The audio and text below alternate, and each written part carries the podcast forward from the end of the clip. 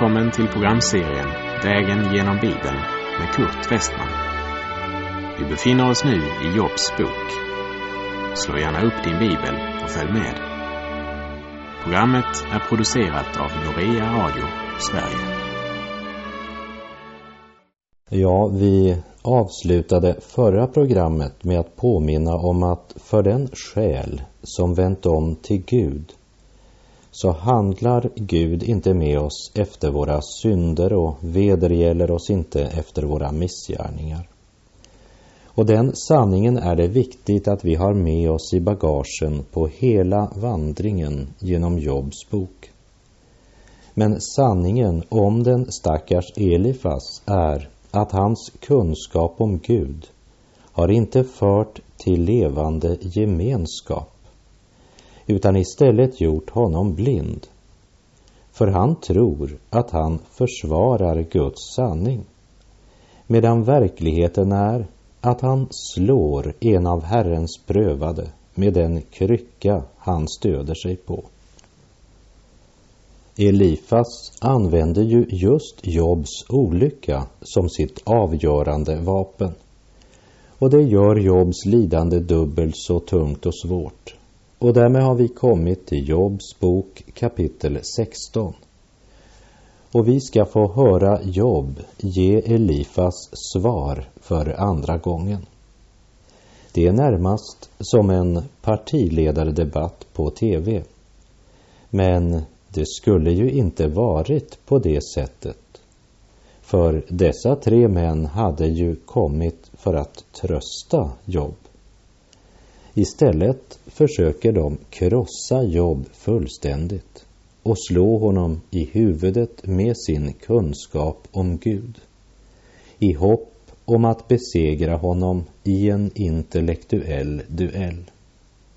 Och de är inte själva klara över att de bara slår slag i luften. För det hjälper ju inte hur hårt man slår och man hela tiden missar målet. Ändå var deras angrepp till mycket stor sorg för Job. Elifas har än en gång tuggat om sitt favorittema. Och vi läser Job 16, vers 1 till och med 3. Därefter tog Job till orda och sade Mer än nog har jag fått höra av sådant. Usla tröstare är ni alla. Är det nu slut på detta tal i vädret? Eller äggar dig ännu något till gensvar? Job påminner Elifas att han inte har sagt något som inte Job redan visste. Jag trodde inte jag skulle behöva höra sånt från dig. Bara en massa tomma ord. Och en hel del ceremonier och ritual är på det sättet. Och tyvärr även ganska många predikningar. Och ibland är de inte ens grundade på Bibeln och kan därför inte användas av Guds helige Ande. Det är mycket pratande och tal i vädret i våra dagar. Och detsamma kan sägas om mycken sång och ibland om hela gudstjänsten i vissa församlingar. Ibland kan man nog skylla på predikanten, men andra gånger kan det vara församlingen, lyssnarna, som är ansvariga för det avfall som sker. Och vi läser vers 4. Jag kunde väl också tala, jag som ni. Ja, jag ville att ni var i mitt ställe. Då kunde jag sätta ihop ord mot er och skaka mitt huvud till hån för er. Job säger att om situationen hade varit omvänd så kunde han hålla sitt fördömelsetal över dem. Men den sortens tal försökte Paulus förhindra i församlingen. I Galaterbrevet 6, vers 1 skriver han, Bröder, om ni kommer på någon med att begå en överträdelse, då ska ni, som är andliga människor, i mildhet upprätta en sådan. Men se till att inte du också blir frestad. Du ska inte inleda en debatt med en sådan. Gå inte och håll ett långt tal för honom, utan upprätta honom i en mild anda. Med den hållningen som Jesus visade då han tvättade lärjungarnas fötter. Och det gör han än idag. Och vi behöver verkligen renas dagligen under vår livsvandring. Och om vi bekänner våra synder så är han trofast och rättfärdig så att han förlåter oss våra synder och renar oss från all orättfärdighet, säger Johannes i sitt första brevs första kapitel. Vi anar att om vi ska tvätta någons fötter så måste vi böja oss ner. Man kan inte se ner på den vars fötter man ska tvätta. Kan inte debattera med honom, peka finger åt honom. Utan du måste knäböja vid den person vars fötter du ska tvätta. Inta tjänareställningen. Och det är något annat än att inleda en religiös debatt med vederbörande. Det var synd att ingen av Jobs tre vänner hade den attityden. De kom bara för att tala honom till rätta. Och det vet Job vid det här laget. Därför säger han att om situationen hade varit omvänd och han hade varit i de triumferandes kläder så kunde han också ha gjort som dem. Ja, han kunde väl också tala som dem Ja, han kunde sätta ihop ord mot dem och skaka sitt huvud till hån mot dem. Men så säger han att om de led så svårt som vad han gjorde nu så hade han inte kunnat angripa dem. Utan han ville då hellre haft medlidande med dem. Det hade varit naturligt. Han ville ha tvättat deras fötter för att eh, hålla oss till den bilden. Vi läser Jobb 16, vers 5 och 6. Med munnen kunde jag då styrka er och med läpparnas medlidande bereda er lindring. Om jag nu talar så lindras ej därav min plåga och tiger jag, inte släpper den mig ändå. Trots Jobs fruktansvärda situation hade de inget medlidande. De såg honom sitta i askan, full av bölder och skrapa sina sår. Men de hade inte ett ord av tröst. Då ropade Job ut sin nöd för vännerna, men de kände sig överlägsna en så sjuk och misslyckad affärsman. Nu skulle de sannerligen tala om för honom vad han borde göra. Så hur mycket Jobb än försökte tala till sina vänner var det ingen lindring att få. Tvärtom, de angrep honom bara hårdare. Inte hjälpte det att tala till dem och inte hjälpte det att tiga. Jobb längtade efter någon som var redo att lyssna till honom. Någon som följde Paulus uppmaning i Romarbrevet 12, vers 15 och 16. Gläd er med dem som är glada. Gråt med dem som gråter. Lev i endräkt med varandra. Tänk inte på det som är högt utan håll er till det som är ringa. Var inte självkloka. Gråt med dem som gråter och var inte självkloka. hur självkloka Jobs vänner var när de angriper den hårt prövade Jobb och strör salt i hans sår genom att tanklöst ropa ut dessa generella sanningar om Gud. Må vi få nåd att lära något av det vi här läser.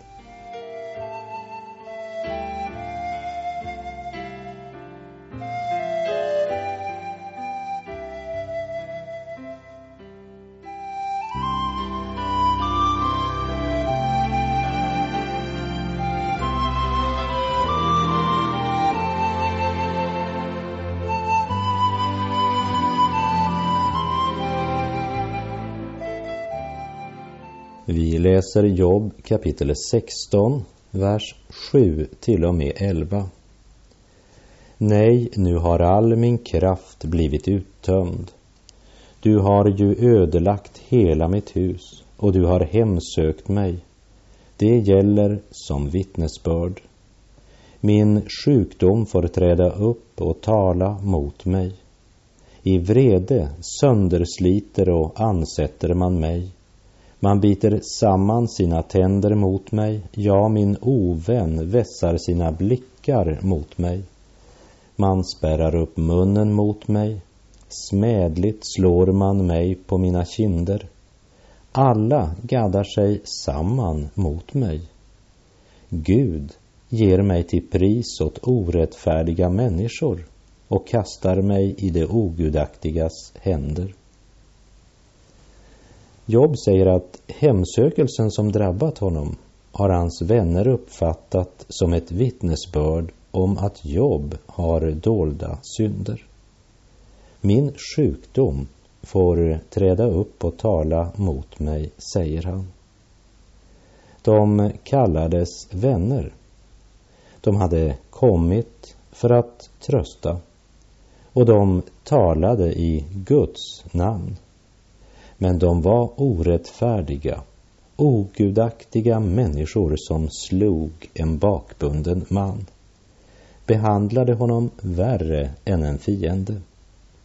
Och det finns faktiskt kristna bekännare som kan vara brutalare mot dig än vad många ofrälsta människor är.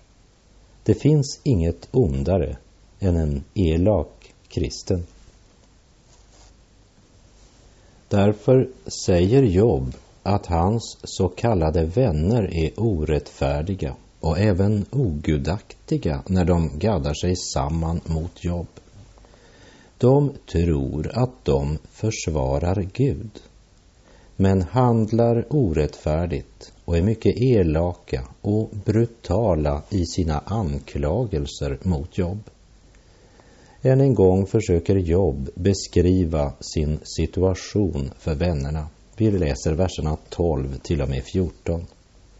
Jag satt i god ro, då krossade han mig. Han grep mig i nacken och slog mig i smulor. Han satte mig upp till ett mål för sina skott. Från alla sidor träffar mig hans pilar. Han genomborrar mina njurar utan förskoning. Min galla gjuter han ut på jorden. Han bryter ned mig med stöt på stöt. Han stormar emot mig som en kämpe. Jobb har kommit till det stadiet då han ser alla sina lidanden som ett bevis på Guds vrede. Känslan av Guds nåd och förnimmelsen av att Gud är nära har drunknat i det hav av motgång som han mött. Från alla sidor träffar nu hans pilar. Till och med vännerna som besökte visade sig vara fiender. Han känner det som om han ligger slagen på marken och Gud i sin vrede går fram och tillbaka över honom. Jobb känner sig som en dörrmatta för Gud och människor. Lägg märke till vad han säger i verserna 15 och 16. Säcktyg har jag hopfäst över min hud och i stoftet har jag måst sänka mitt horn. Mitt ansikte är glödande rött av gråt och på mina ögonlock är dödsskugga lägrad. Hans liv hänger i en tunn tråd. Ansiktet är rött av gråt och hans vänner sätter in angrepp på angrepp mot en man som är så nära sin undergång att han säger på mina ögonlock är dödsskugga lägrad. Och vi läser vers 17. Och detta fastän våld ej finns i mina händer och fastän min bön är ren. Jobb inbillar sig inte vara syndfri. Det är inte det han säger här. Men han vet inte om något i hans förhållande till Gud som skulle förorsaka hans olyckor. Det är inte så han känner Gud. Och om han levde gott med Gud, hur kunde då detta ske? Hur kunde Gud tillåta allt detta?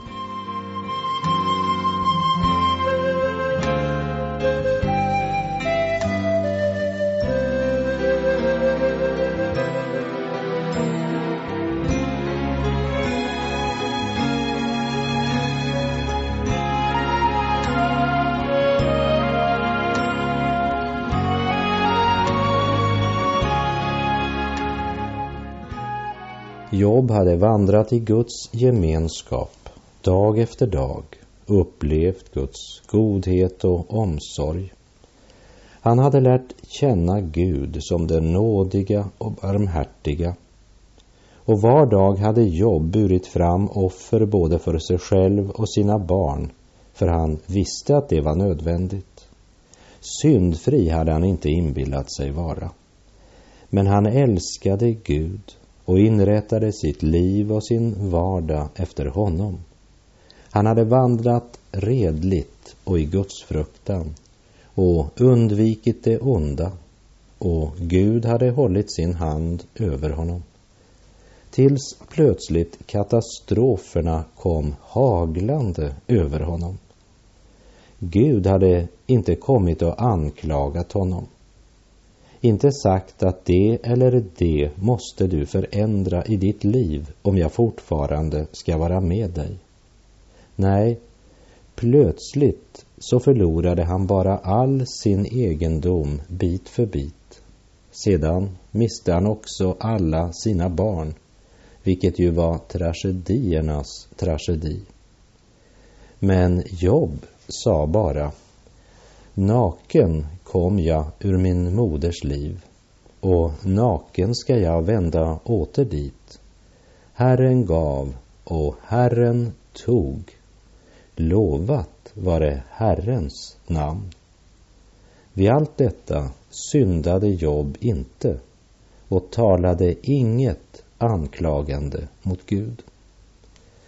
Så följde sjukdomen svåra bölder över hela kroppen. Hustrun föraktar honom för att han inte anklagar Gud.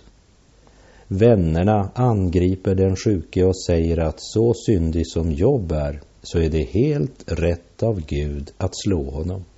Ja, egentligen borde Gud ha slagit honom ännu hårdare, menade vännerna. Och Jobb ropar ut sin nöd för både Gud och människor. Och det är som om Job säger, hade jag haft våld i mina händer eller om min bön varit orätt, då hade ju Gud tillrättavisat mig. Men han har ju inte sagt ett ord, utan himlen förblir tyst. Hur ska jag då veta varför allt det här har hänt? Se, mitt ansikte är rött av gråt och på mina ögonlock kan du se dödsskuggan avteckna sig. Det finns inget hopp för mig på jorden. Vi läser Jobb 16, vers 19. Se, redan nu har jag i himlen mitt vittne och i höjden den som skall tala för mig mot all olycka som rasat över honom och mot alla brutala anklagelser från de som omger honom appellerar Jobb nu till den allvetande, det allvetande vittnet i himlen, till den Gud som han minns som en nådig och barmhärtig Gud. När eh, Jesus tolkar liknelsen om sådden för sina lärjungar så säger han i Lukas 8.17 Ty inget är dolt som inte ska bli uppenbarat och inget är gömt som inte ska bli känt och komma i dagen.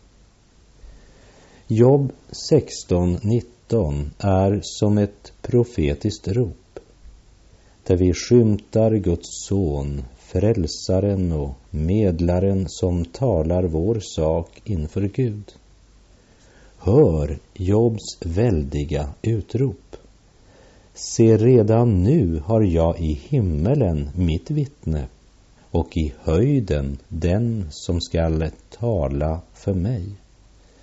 Det vill säga Messias, medlaren som utlovades redan i paradiset efter syndafallet.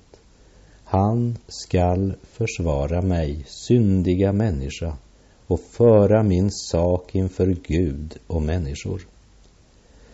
Men hans vänner hade anklagat honom falskt och gjort honom till åtlöje. Därför skådar hans öga med tårar till Gud. För han vet att Gud anklagar inte falskt.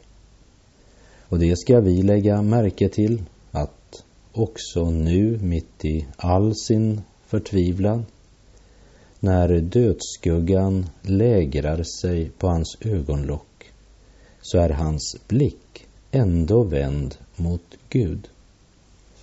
Vi läser Jobb 17, vers 1 till och med 4. Min livskraft är förstörd, mina dagar slocknar ut. Bland gravar får jag min lott. Ja, i sanning är jag omgiven av hån och avoghet får mitt öga ständigt skåda hos dessa. Så ställ nu säkerhet och borgen för mig hos dig själv. Vilken annan vill ge mig sitt handslag? Dessas hjärtan har du ju tillslutit för förstånd. Därför ska du inte låta dem triumfera. Eftersom mina anklagare är fullständigt blinda för sanningen måste det vara du, Gud, som tillslutit deras hjärtan. Men då de är så främmande för sanningen kan du ju inte heller upphöja dem till domare över mig. Ingen annan än du, Gud, vill räcka mig handen. Och jag räknar med att dessa skrivbordsteologer inte ska triumfera i längden. Vi läser i Jobs bok kapitel 17, verserna 6 och 7. Jag är satt till ett ordspråk bland folken. En man som man spottar i ansiktet är jag. Därför är mitt öga skumt av grämelse och mina lemmar är som en skugga allesammans. Jag tynar bort, säger Jobb, ingen ära bland människor. Ögonen ser snart ingenting och lemmarna är som en skugga. Det, det är slut med mig. Vers 11 och 12. Mina dagar är förlidna. Sönderslitna är mina planer, vad som var mitt hjärtas begär. Men natten vill man göra till dag. Ljuset skall vara nära, nu då mörkret bryter in. Jobs vänner hade ju försökt locka honom med hopp om hälsa, lycka och ekonomisk framgång om han bara lydde deras råd. Jobb skulle bara ödmjuka sig inför Gud och bekänna att allt egentligen var hans eget fel. Men då säger Jobb att det var lika oförståndigt sagt som att kalla dagen natt och natten dag. Vers 13 till och med 16. Nej, hur jag än väntar blir dödsriket min boning. I mörkret ska jag reda mitt viloläger. Till graven måste jag säga, du är min fader. Till förruttnelsens maskar, min moder, min syster. Vad blir då av mitt hopp?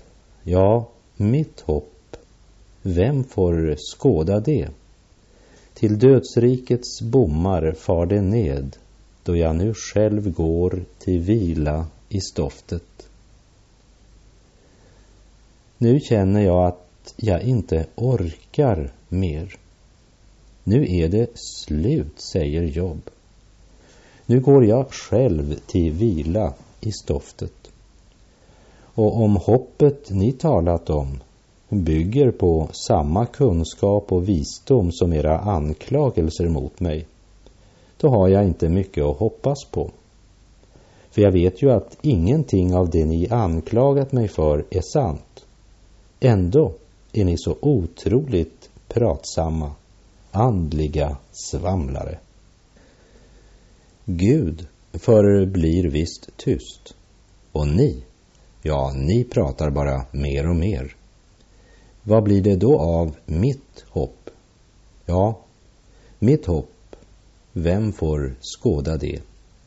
Till dödsrikets bommar far det ned, då jag nu själv går till vila i stoftet. Jobb ser inte något annat än döden. Det här måste väl ändå få Jobs vänner att besinna sig. Ja, det ska vi se närmare på i nästa program, för nu är vår tid ute för den här gången. Och jag säger på återhörande om du vill. Med sådana vänner som Jobb har behöver man inga fiender. Och med sådana vänner har man bara ett ställe att gå till.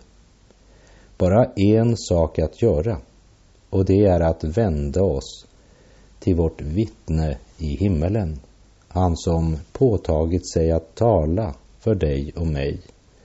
Jesus Kristus, Messias, Guds son. Och han tar emot alla som vänder sig till honom. Du har ett vittne i himmelen, min vän. Han har försonat hela världens synd. Han har öppnat himmelen. Nu är himlen inte stängd längre. Gud är försonad. Och därför kan jag utlysa Herrens välsignelse över dig. Gud är god.